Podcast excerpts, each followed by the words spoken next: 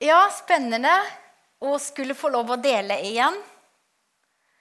Forrige gang jeg underviste, så hadde jeg et tema som heter 'Disippelskap en vei til frihet'. Vi fortsetter litt i samme spor.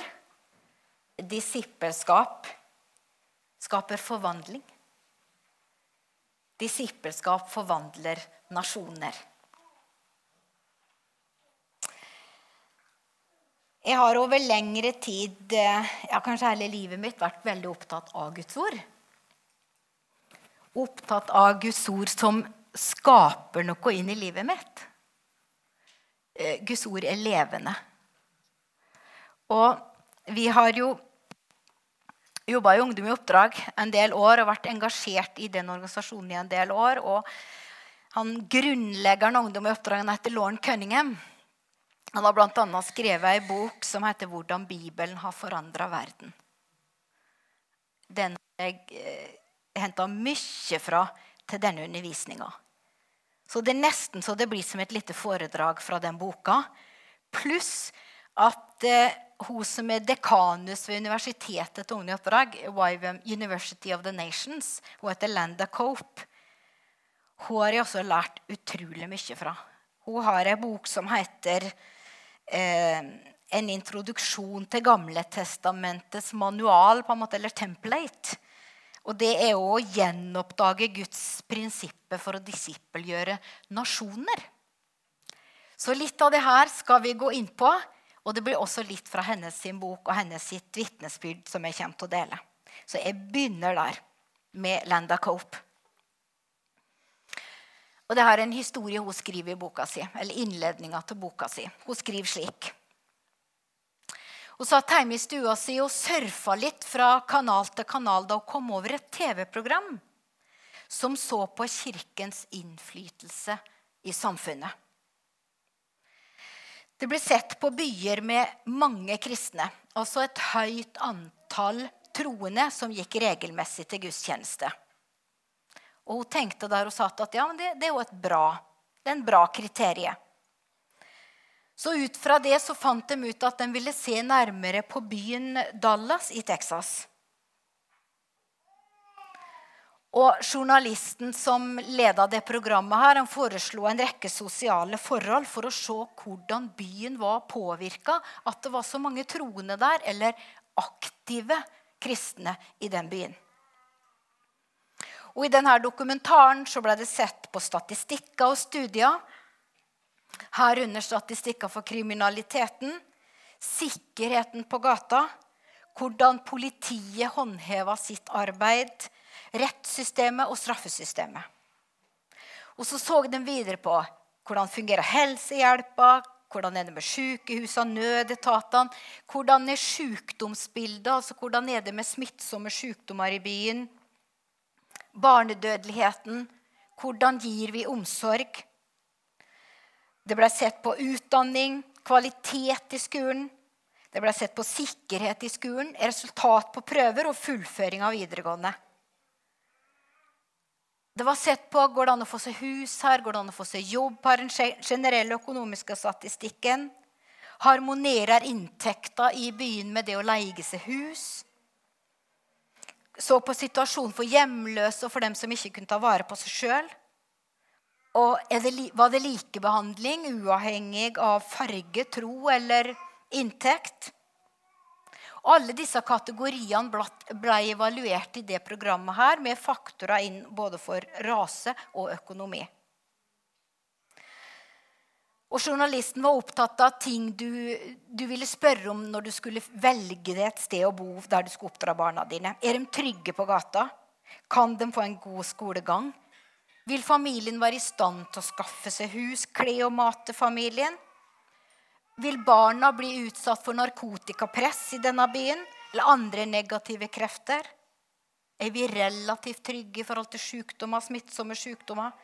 Er det tilgjengelig helsehjelp om vi blir syke? Kan jeg få juridisk hjelp? Er jeg trygg i samfunnet? Rettferdig behandling i rettssystemet? Er politiet opptatt av å beskytte oss uavhengig av rase, tro og økonomi?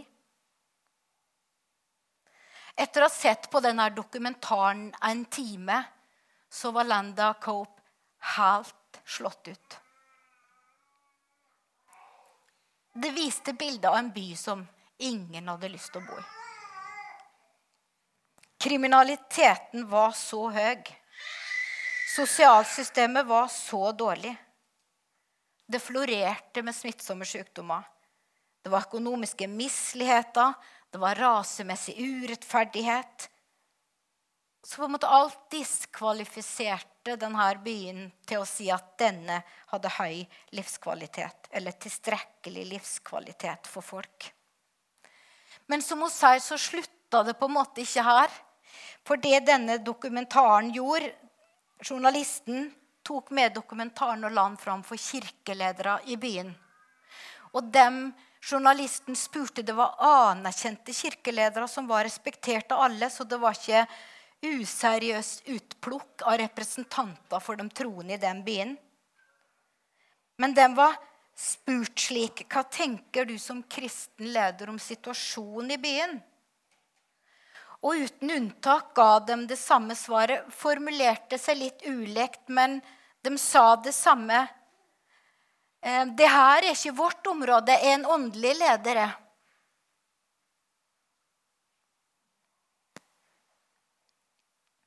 Lenda Cope var målløs. Dokumentaren var godt seriøst bygd opp. Han var ikke spekulativ. Og hun hadde med sitt yrke jobba mange år med å svare på spørsmål fra media når det gjaldt ting om kristen tro og sånn. Og ofte var det lette spørsmål å svare på, for, for, for de var ikke så godt formulert eller ikke så gjennomtenkt. Så hun som hadde lest og studert mye, svarte lett. Men i dette her så var hun helt sjakkmatt. Og det som satte henne helt ut, det var på en måte den presentasjonen av fakta. Og hun sjøl, da, som har undervist at en kirke påvirker samfunnet Der det er en kirke, påvirker samfunnet til det gode. Og så får hun presentert fakta fra en by, Dallas, Texas, som da viser at det her bildet, det hun har levd i, den oppfatningen hun har hatt, det stemmer ikke. Til tross for det høye antallet som var faste gudstjenestedeltakere. Og hun sier Hvorfor har jeg ikke sett det her før? Hvorfor måtte det en ikke-troende eller en sekulær dokumentar til for at jeg skulle se det her? Og hvordan kan vi som kristne ledere si at dette er ikke mitt bord? For en åndelig leder. Hvorfor kan vi som kristne ledere si at det som er kvalitetstegn ved et samfunn, det er ikke våre områder? Lenda var som student ateist, og hun holdt foredrag om hvorfor du ikke burde lese Bibelen, og hvorfor Guds ord var, for Gud ikke var noe å tro på. Men gjennom studietida blei hun kristen fordi hun var overbevist om at det var det eneste trossystemet som forklarte det universet vi lever i, på godt og vondt. Så hun hadde møtt den sannheten, og hun hadde møtt personen Jesus Kristus. Og det sendte hun inn i Guds rike. Så fra da den tida hun ble kristen, så har hun brukt masse tid på å studere Guds rikes sannheter. Hvordan skal vi leve dette ut i praksis? I det daglige livet, i sitt eget liv og i andre sitt liv. Og Samtidig da, hadde hun sagt til seg sjøl at hvis hun fant noe som beviste at det hun sto for, ikke var til, til, til stede eller ikke var korrekt, så måtte hun revurdere alt hun trodde på. Og denne dokumentaren rysta hun altså mer enn noe annet hun hadde vært borti. Rysta tilliten til troa. Rysta tilliten til det hun på en måte hadde undervist. Så hun strevde med deres spørsmåla og kom opp for seg sjøl med tre mulige alternativ. Alternativ 1 Gud fins ikke. Alternativ 2 Gud og eller Guds ord kan ikke være sant. Bibelen sier at om dens verdier legges til grunn, så vil det påvirke samfunnet i stort. Men i praksis så fungerer det nok ikke slik.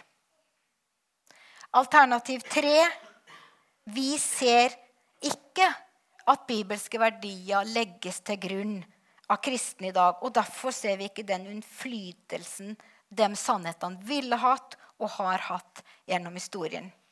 Og Lenda visste med seg sjøl det må være det siste alternativet som er tilfellet.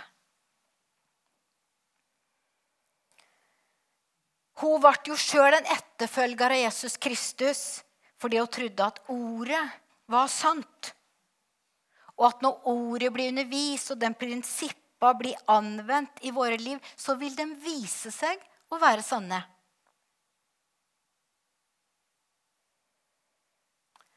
Hun landa her, men hun mangla noen svar. Og hun hadde opplevd det før også, at noen ganger så kan spørsmål bli overveldende for oss. Nesten helt umulig hvordan skal jeg finne svar på dette her. Men Gud har tanker om det. Gud veit. Men vi er avhengige av at Gud åpenbarer ting for oss. Og under et besøk i Afrika fikk hun en åpenbaring. Det som møtte henne i Afrika, var nedslående. Det var fattigdom, det var vold, det var sykdom, det var korrupsjon, det var urettferdig og kaos overalt. Afrika, det mest evangeliserte, misjonerte, kristnede kontinentet som fins på jorda. Det var ikke mye spor av Guds velsignelser gjennomgående i samfunnet. Så hun sukker til Gud, og så i det hun ser det hun ser i Afrika, og med denne dokumentaren fra Dallas i minne, sukker hun til Gud og så sa hva har gått galt?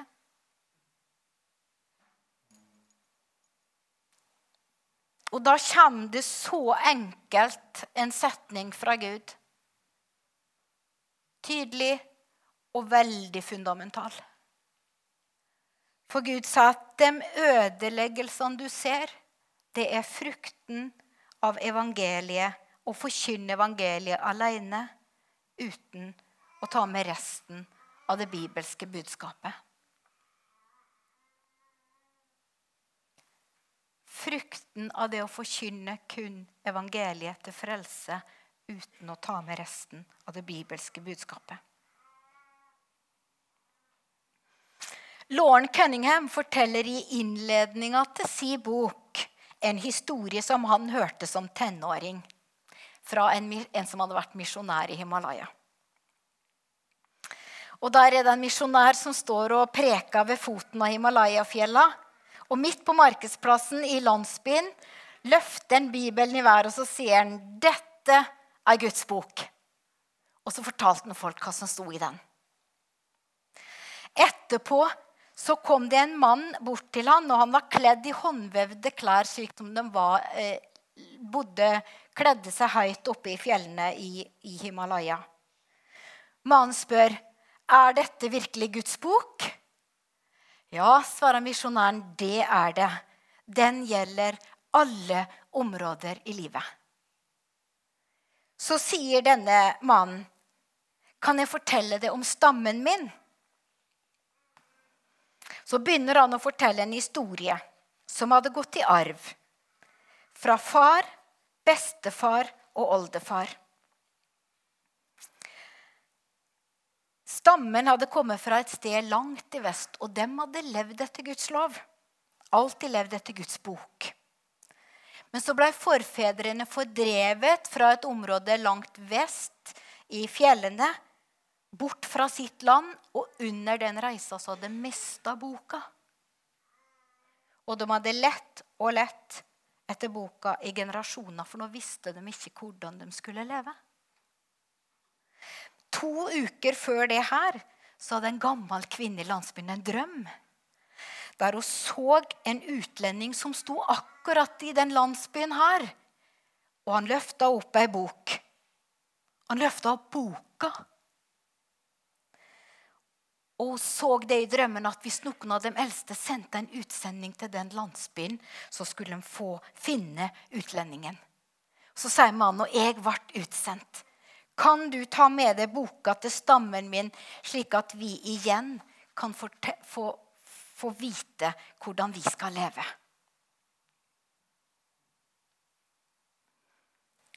Bibelen forteller om et annet folk som mista boka, og tragedien som fulgte. I andre kongebok 21 og i andre krønikebok kapittel 33 leser vi om kong Manasseh. Og i hans regjeringstid vendte folket Juda seg bort fra den levende Gud. Og etter kort tid så begynte de å skjende landet med avgudsdyrkelse, trolldom og hekseri. De fylte bygdene og til og med Guds tempel med hedenske altere, gudebilder og asjeraperler. De søkte hjelp hos synske og spiritister i stedet for hos den levende Gud. Kong Manasseh tilba avguder i Guds tempel, og mannlige prostituerte brukte det til å betjene kundene sine. Folket tilba til og med avguden Molok ved å varme opp avgudsbildet av stein til det var rødglødende, og så la de sine nyfødte barn på det så de brant i hjel. Kongen brant også sine sønner som ofre til Molok. Kong Manasseh spilte så mye uskyldig blod at det flaut i Jerusalem fra ende til annen. Og da Ammon ble konge etter sin far Manasseh, var han så ond at hans eget folk tok livet av etter to år. Og da reiste folket seg og skulle hevne seg på dem som hadde tatt livet av han igjen, og det ble en massakre. Midt i det her så var en liten gutt på åtte år som ble satt på tronen. Kong Joshia. Og Det var nesten rart at ikke han fulgte i fedrenes fotspor, for det var jo det han hadde sett. Men kong Joshia han begynte å søke Gud. Og Da han var 26 år, så ga han ordre om å bygge opp igjen tempelet. Da finner presten Hilkia skriftrullene, Guds ord. 'Jeg har funnet boka', kommer Hilkia til kongen og sier. Og boka blir lest høyt. Og hjertet til Joshua verker av skyldfølelse. Han gråter, han føler skam, og han ber om tilgivelse for seg og sitt folk. Han kaller sammen hele folket, og ordet blir lest høyt. Folket har litt samme reaksjon.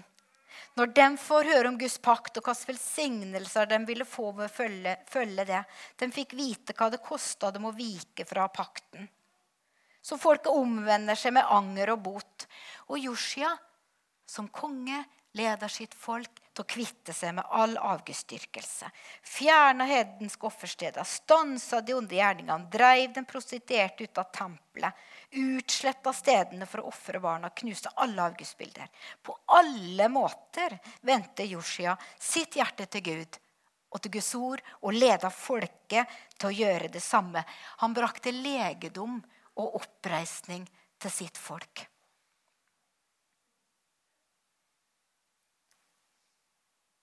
Og så ser vi i tragedien skjer at neste ledd, Josia sine etterfølgere, går bort ifra Guds ord og fører igjen folket ut i avgudsdyrkelse og dårlig, livs, dårlig livskvalitet. Ondskapen tok igjen overhånd. Så enten det er langt oppe i Himalaya-fjella, eller det er gamle Israel, eller det er i vårt land, eller i Vesten, eller i dagens samfunn, så er det mange måter å miste Guds ord på. Men resultatet er alltid det samme. Det er tragisk. Men å gjenoppdage Guds ord, det følger det alltid velsignelse med. Og det har blitt bekrefta gjennom historiens løp. Når en stor andel av nasjons befolkning har Bibelen, og anvender det den lærer i sine egne liv, ja, så blir nasjonen forvandla. Men det motsatte er også sant. For den velsignelsen vi får av Guds ord, av Bibelen, den er ikke permanent gitt til et land eller til et folk eller til et menneske. det er valgene våre som bestemmer om vi holder fast og forblir i Guds velsignelse. Så av og til må vi stille oss noen vanskelige spørsmål. Hvor langt har vi kommet i vårt land? Hvor langt har vi kommet i Vesten i forhold til å velge vekk Guds bud og Guds forskrifter? Har vi passert et punkt da det ikke er mulig å snu? Har vi mista vår ledende stilling i verden og den livsstilen vi har blitt vant til? Hvor lenge kan vi fortsatt glede oss over frihet, sikkerhet, kreativitet, materiell framgang? Det er grunn til både bekymring og håp. Er det mulig å forvandle et samfunn, et, en by eller et land? Jesus må ha ment det.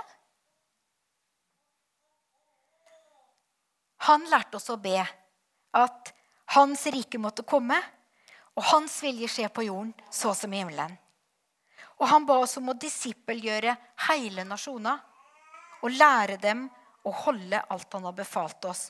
Og Jesu befaling om å gjøre alle mennesker til disipler det kommer midt mellom to gode grunner til håp. Hør her fra Matteus 28, 18-20. Håp 1. Meg er gitt all makt i himmel og på jord. Gå på det grunnlaget ut Gå derfor og gjør alle folkeslag til disipler, mens dere døper dem til Faderen og Sønnen og Den hellige ånds navn, og lærer dem å holde alt det jeg har befalt dere. Og se, jeg er med dere. Grunn til håp nummer to. Og se, jeg er med dere alle dager inn til denne tidsalderens ende. Han sa han all makt, og han lover å være med. Så det er ikke sånn at Jesus gir oss oppdraget, og så stikker han av. Han venter ikke at vi skal gjøre det i egen kraft. Han som er alfa og omega, ber oss om å arbeide sammen med han under hans lederskap. Og når vi leser i Bibelen, så får vi nytt mot. Vi veit at han har skapt alt og opprettholder alt ved sitt ord. Gud talte ut jorda til eksistens. Han talte ut oss til eksistens. Og det ordet har han ikke trukket tilbake, så det ordet opprettholder alt. Vi er her fortsatt. Sant? Så at ordet virker det det skal, det kan vi bare se rundt oss. Vi er jo her. Og jorda er her, og den fungerer som den skal.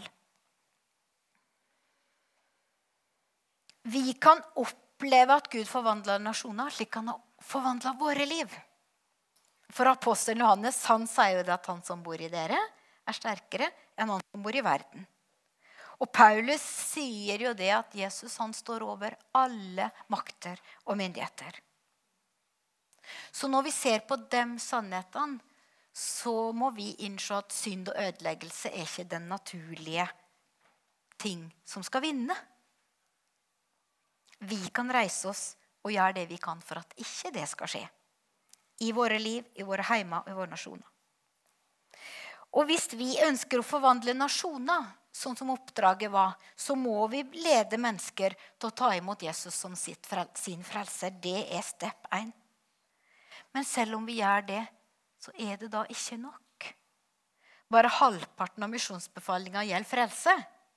I Matteus 28, som vi leste, så ga Jesus den andre halvparten disippelskap. Vi skulle gjøre folk til hans disipler. Og det gjelder ikke bare individer, slik Markus skriver i sin misjonsbefaling, men i Matteus så skal vi forstå det i kontekst av nasjoner. Gjør til disipler den prosess som innebærer å hjelpe noen til forvandling etter Bibelens standard.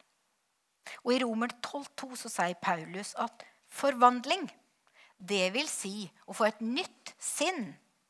En ny måte å tenke på.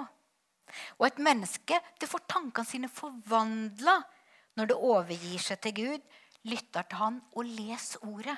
Da skjer det noe med oss. en forvandling.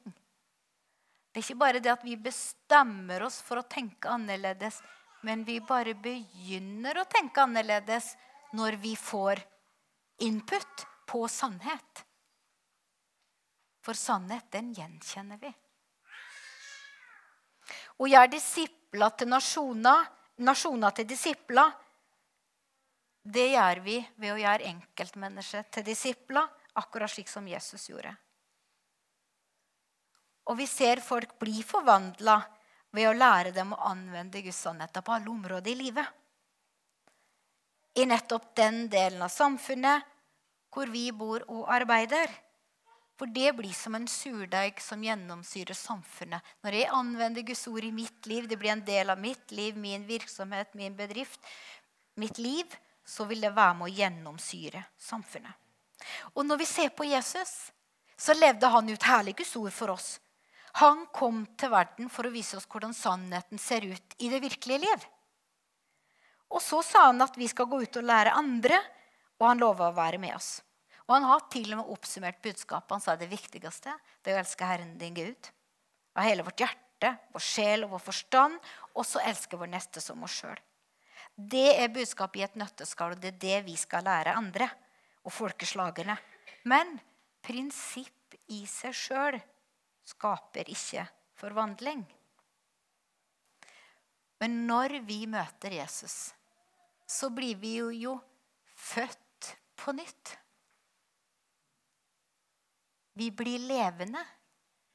Paulus sa at vi var døde, men vi har blitt levende. I møte med Jesus og hans tilgivelse så blir vi født på nytt i vår ånd. Og hans ånd kan da fylle oss, og så blir ordet levende. Og da begynner vi å oppdage det levende ordet i det skrevne ordet. Bare bokstaver slår i hæl. Men et ord, det levende ordet, det skaper liv. Og Jesus arbeider i oss gjennom sin ånd, slik at hans prinsipper blir en del av vår karakter. Når vi velger, vi leser ordet, vi tar imot det, og det skapes noe i våre liv. Det skapes en forvandling i våre liv. Og karakteren vår, slik den da kommer til uttrykk Karakter den kommer til uttrykk i hva du sier og gjør. Det blir som en surdeig i samfunnet. Og på den måten vil hans vilje skje på jorden, sånn som i himmelen.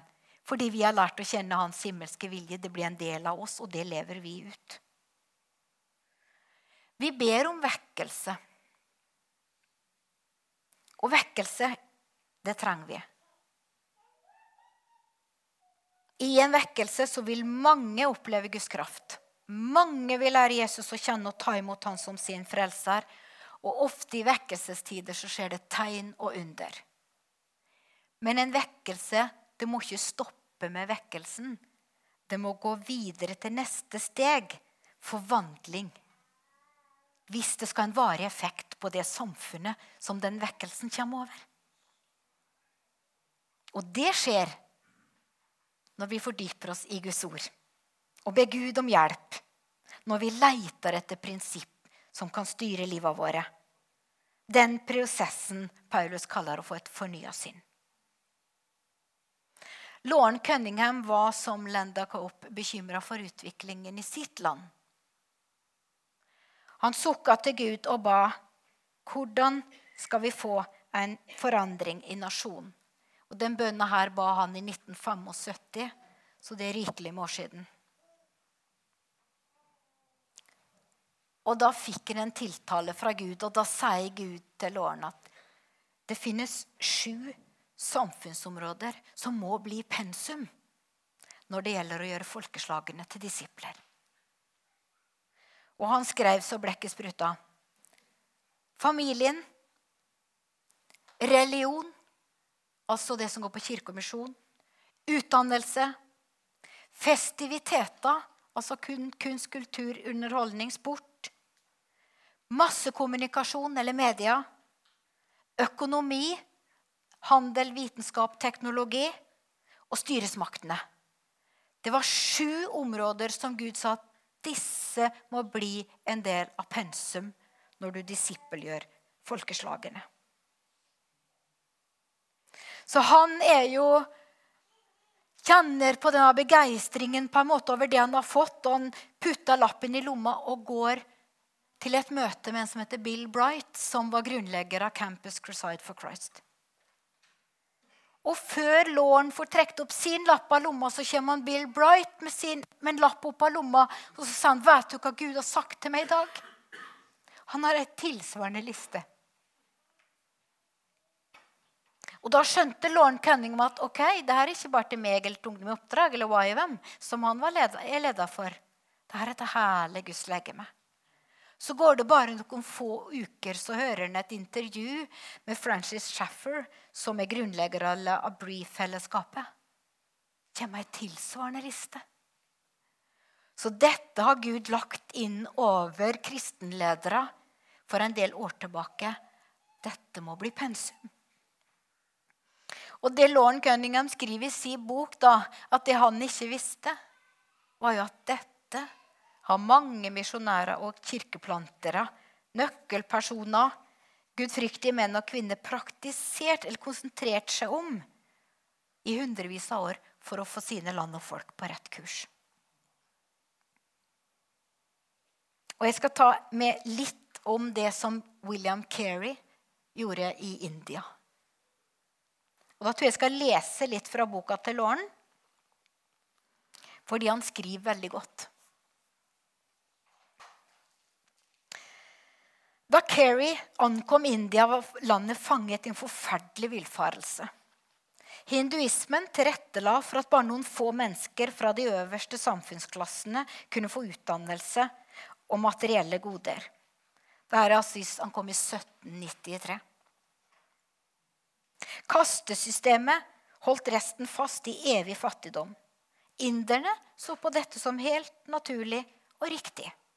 Mennesket i lavere kaster soner for synder de har begått i tidligere liv. Hinduistiske lærere sa at det var ikke noen forskjell på mennesker og Gud. Menneskene bare forestilte seg at de var atskilt fra guddommen. Derfor var alt det de gjorde, guddommelig. Og denne troen skilte religion fra moral. Noe som gjorde det mulig for inderne å være uhyre religiøse, samtidig som de gjorde forferdelige ting.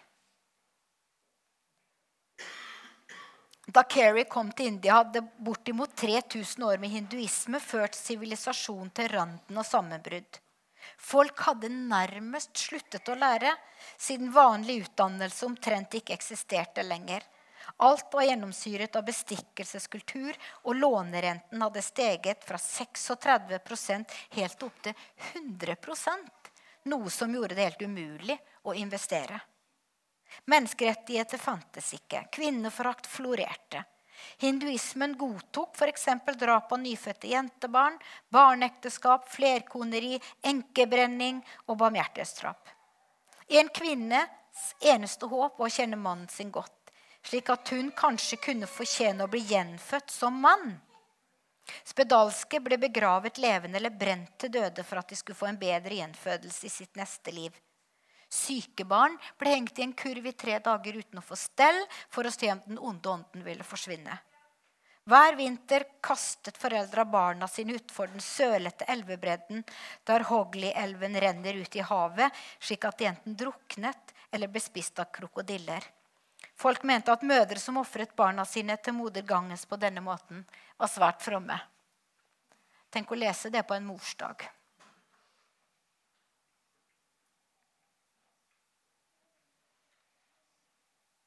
Situasjonen i India var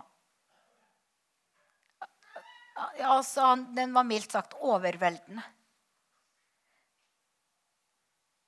Og det ville vært lett å på en måte forstå hvis William Carey da tenkte at ok, jeg får jobbe med deres åndelige behov.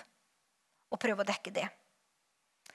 Men arbeidet hans begrensa seg ikke til evangelisering halvparten av misjonsbefalingen.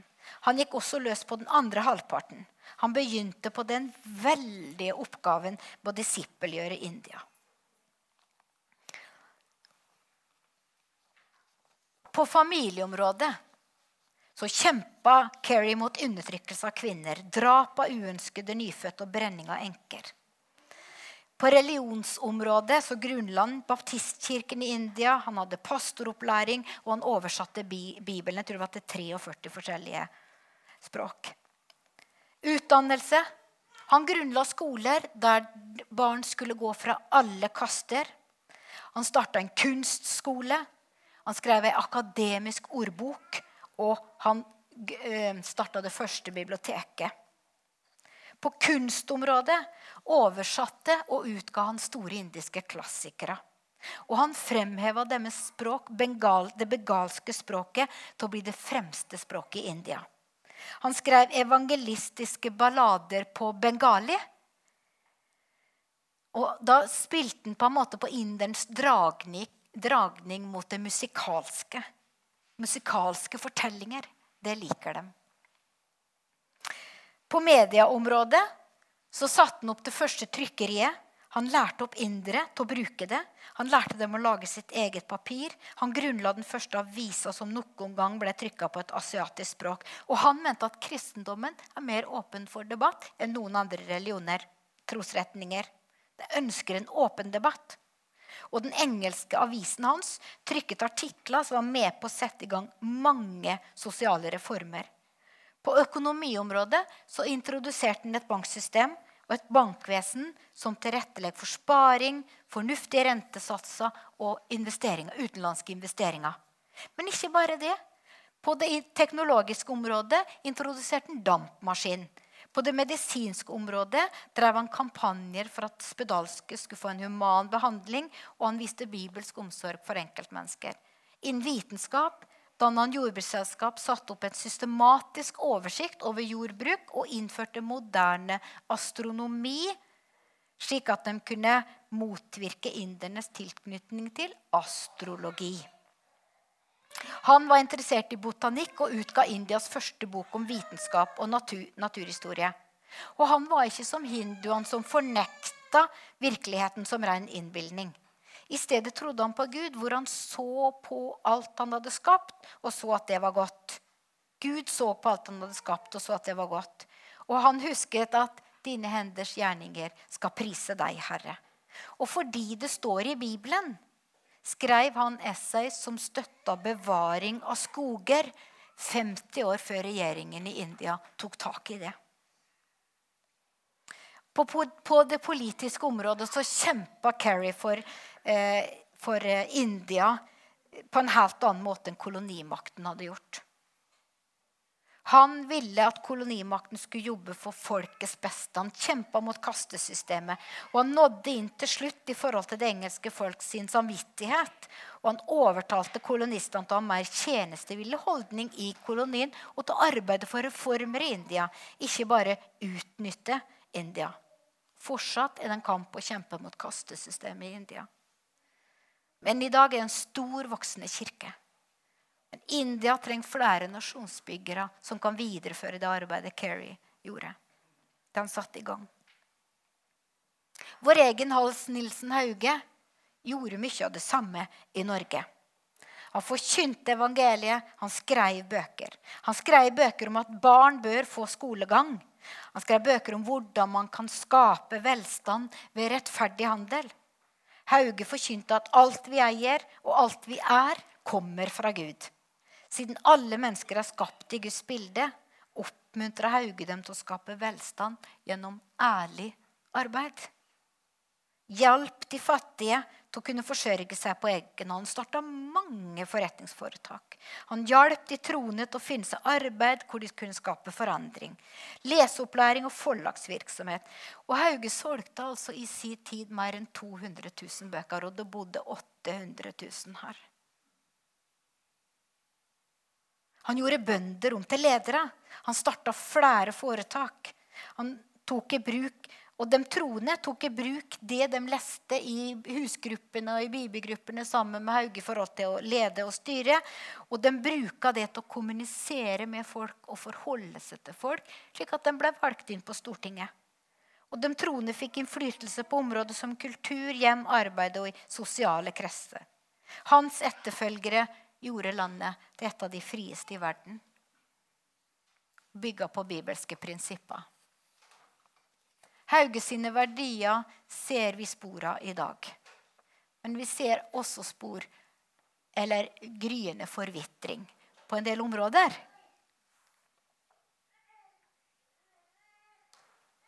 Vi trenger å se som menighet at Gud, Gud altså Det hele starta ikke når Jesus kom. Det hele starta når Gud skapte. Så Gud skapte oss og han, ga han oss et oppdrag. Og det, det, står ingenting om at det oppdraget er trukket tilbake. Han sa at dere skal legge jorden under dere, dere skal råde. Så vi har et samfunnsoppdrag som disipler. Som Guds barn, som Guds medarbeidere, som Guds venner, som Guds bilde på jorda. Der er fortsatt vårt oppdrag. Så har du kirken eller menigheten som én av de samfunnsområdene. Og hva sier Paulus? Jo, han satte i menigheten noen til apostler, noen til profeter, noen til evangelister, noen til hyrder og noen til lærere. For at de skulle utruste de hellige til all god gjerning. Så kirkens mandat, sier Paulus, det å utruste oss til all god gjerning i alle de andre samfunnsområdene der vi er.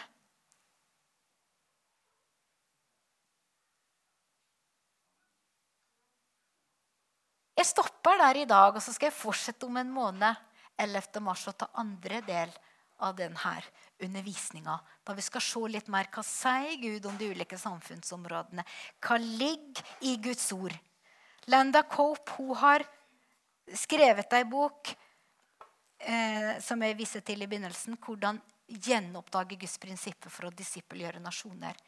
I sin bibel så har hun gula ut med fargekoder alt Guds ord sier om de ulike samfunnsområdene. Og hennes bok er helt fargelagt. Så denne boka har noe å si på alle livets områder, slik misjonæren i Himalaya sa for mange år siden. La oss be.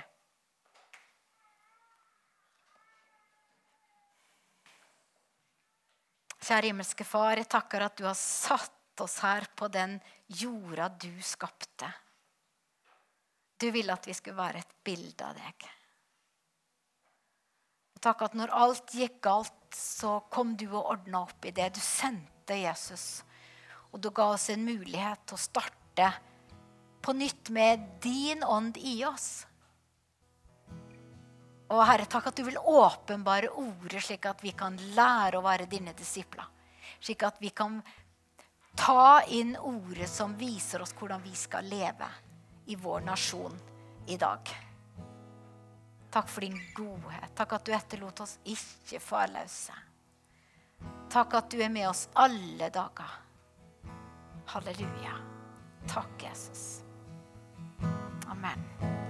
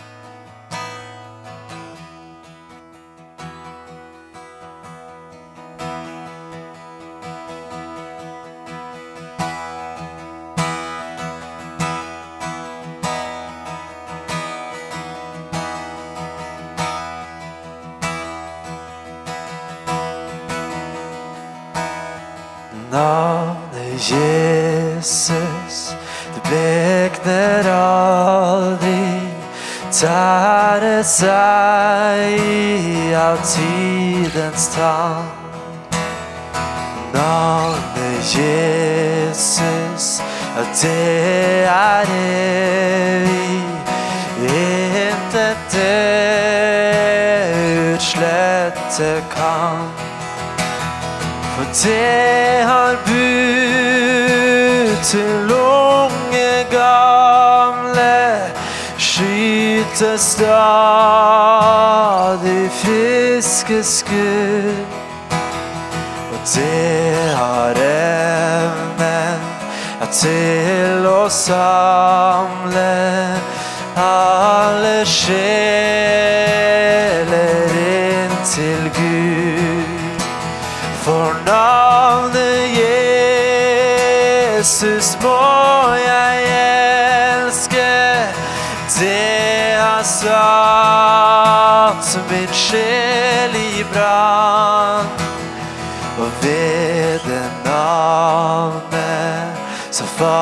jeg frelse.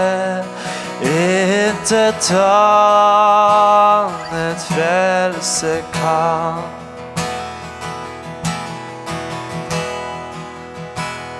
Jesu navn hvor skjønt det klinger, la det runge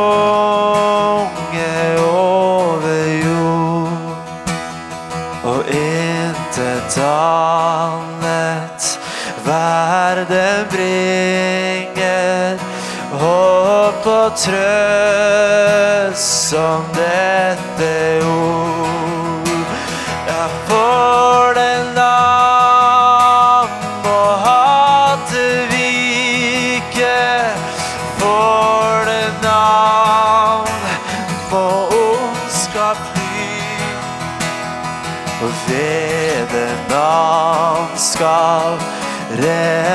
Rettferdsrike skyte friske skudd på ny.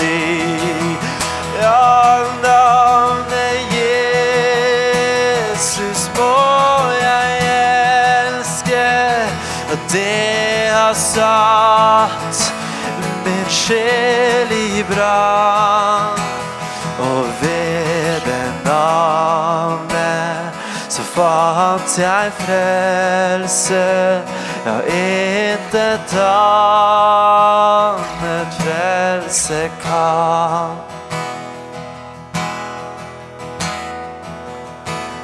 Og midt i nattens mørke blinker om et fyr i Jesu navn.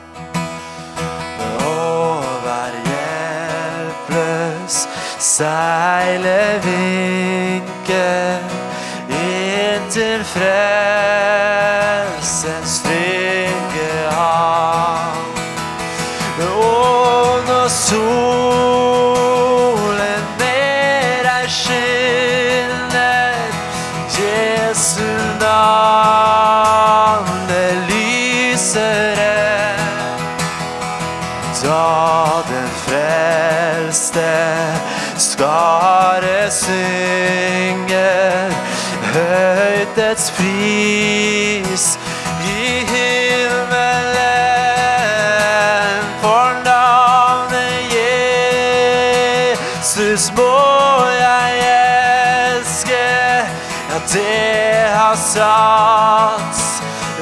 sjel i brann. Og ved det navnet så fant jeg frelse. Intet annet frelse kan. For ved det navnet fant jeg frelse. Ja, intet annet frelse kan.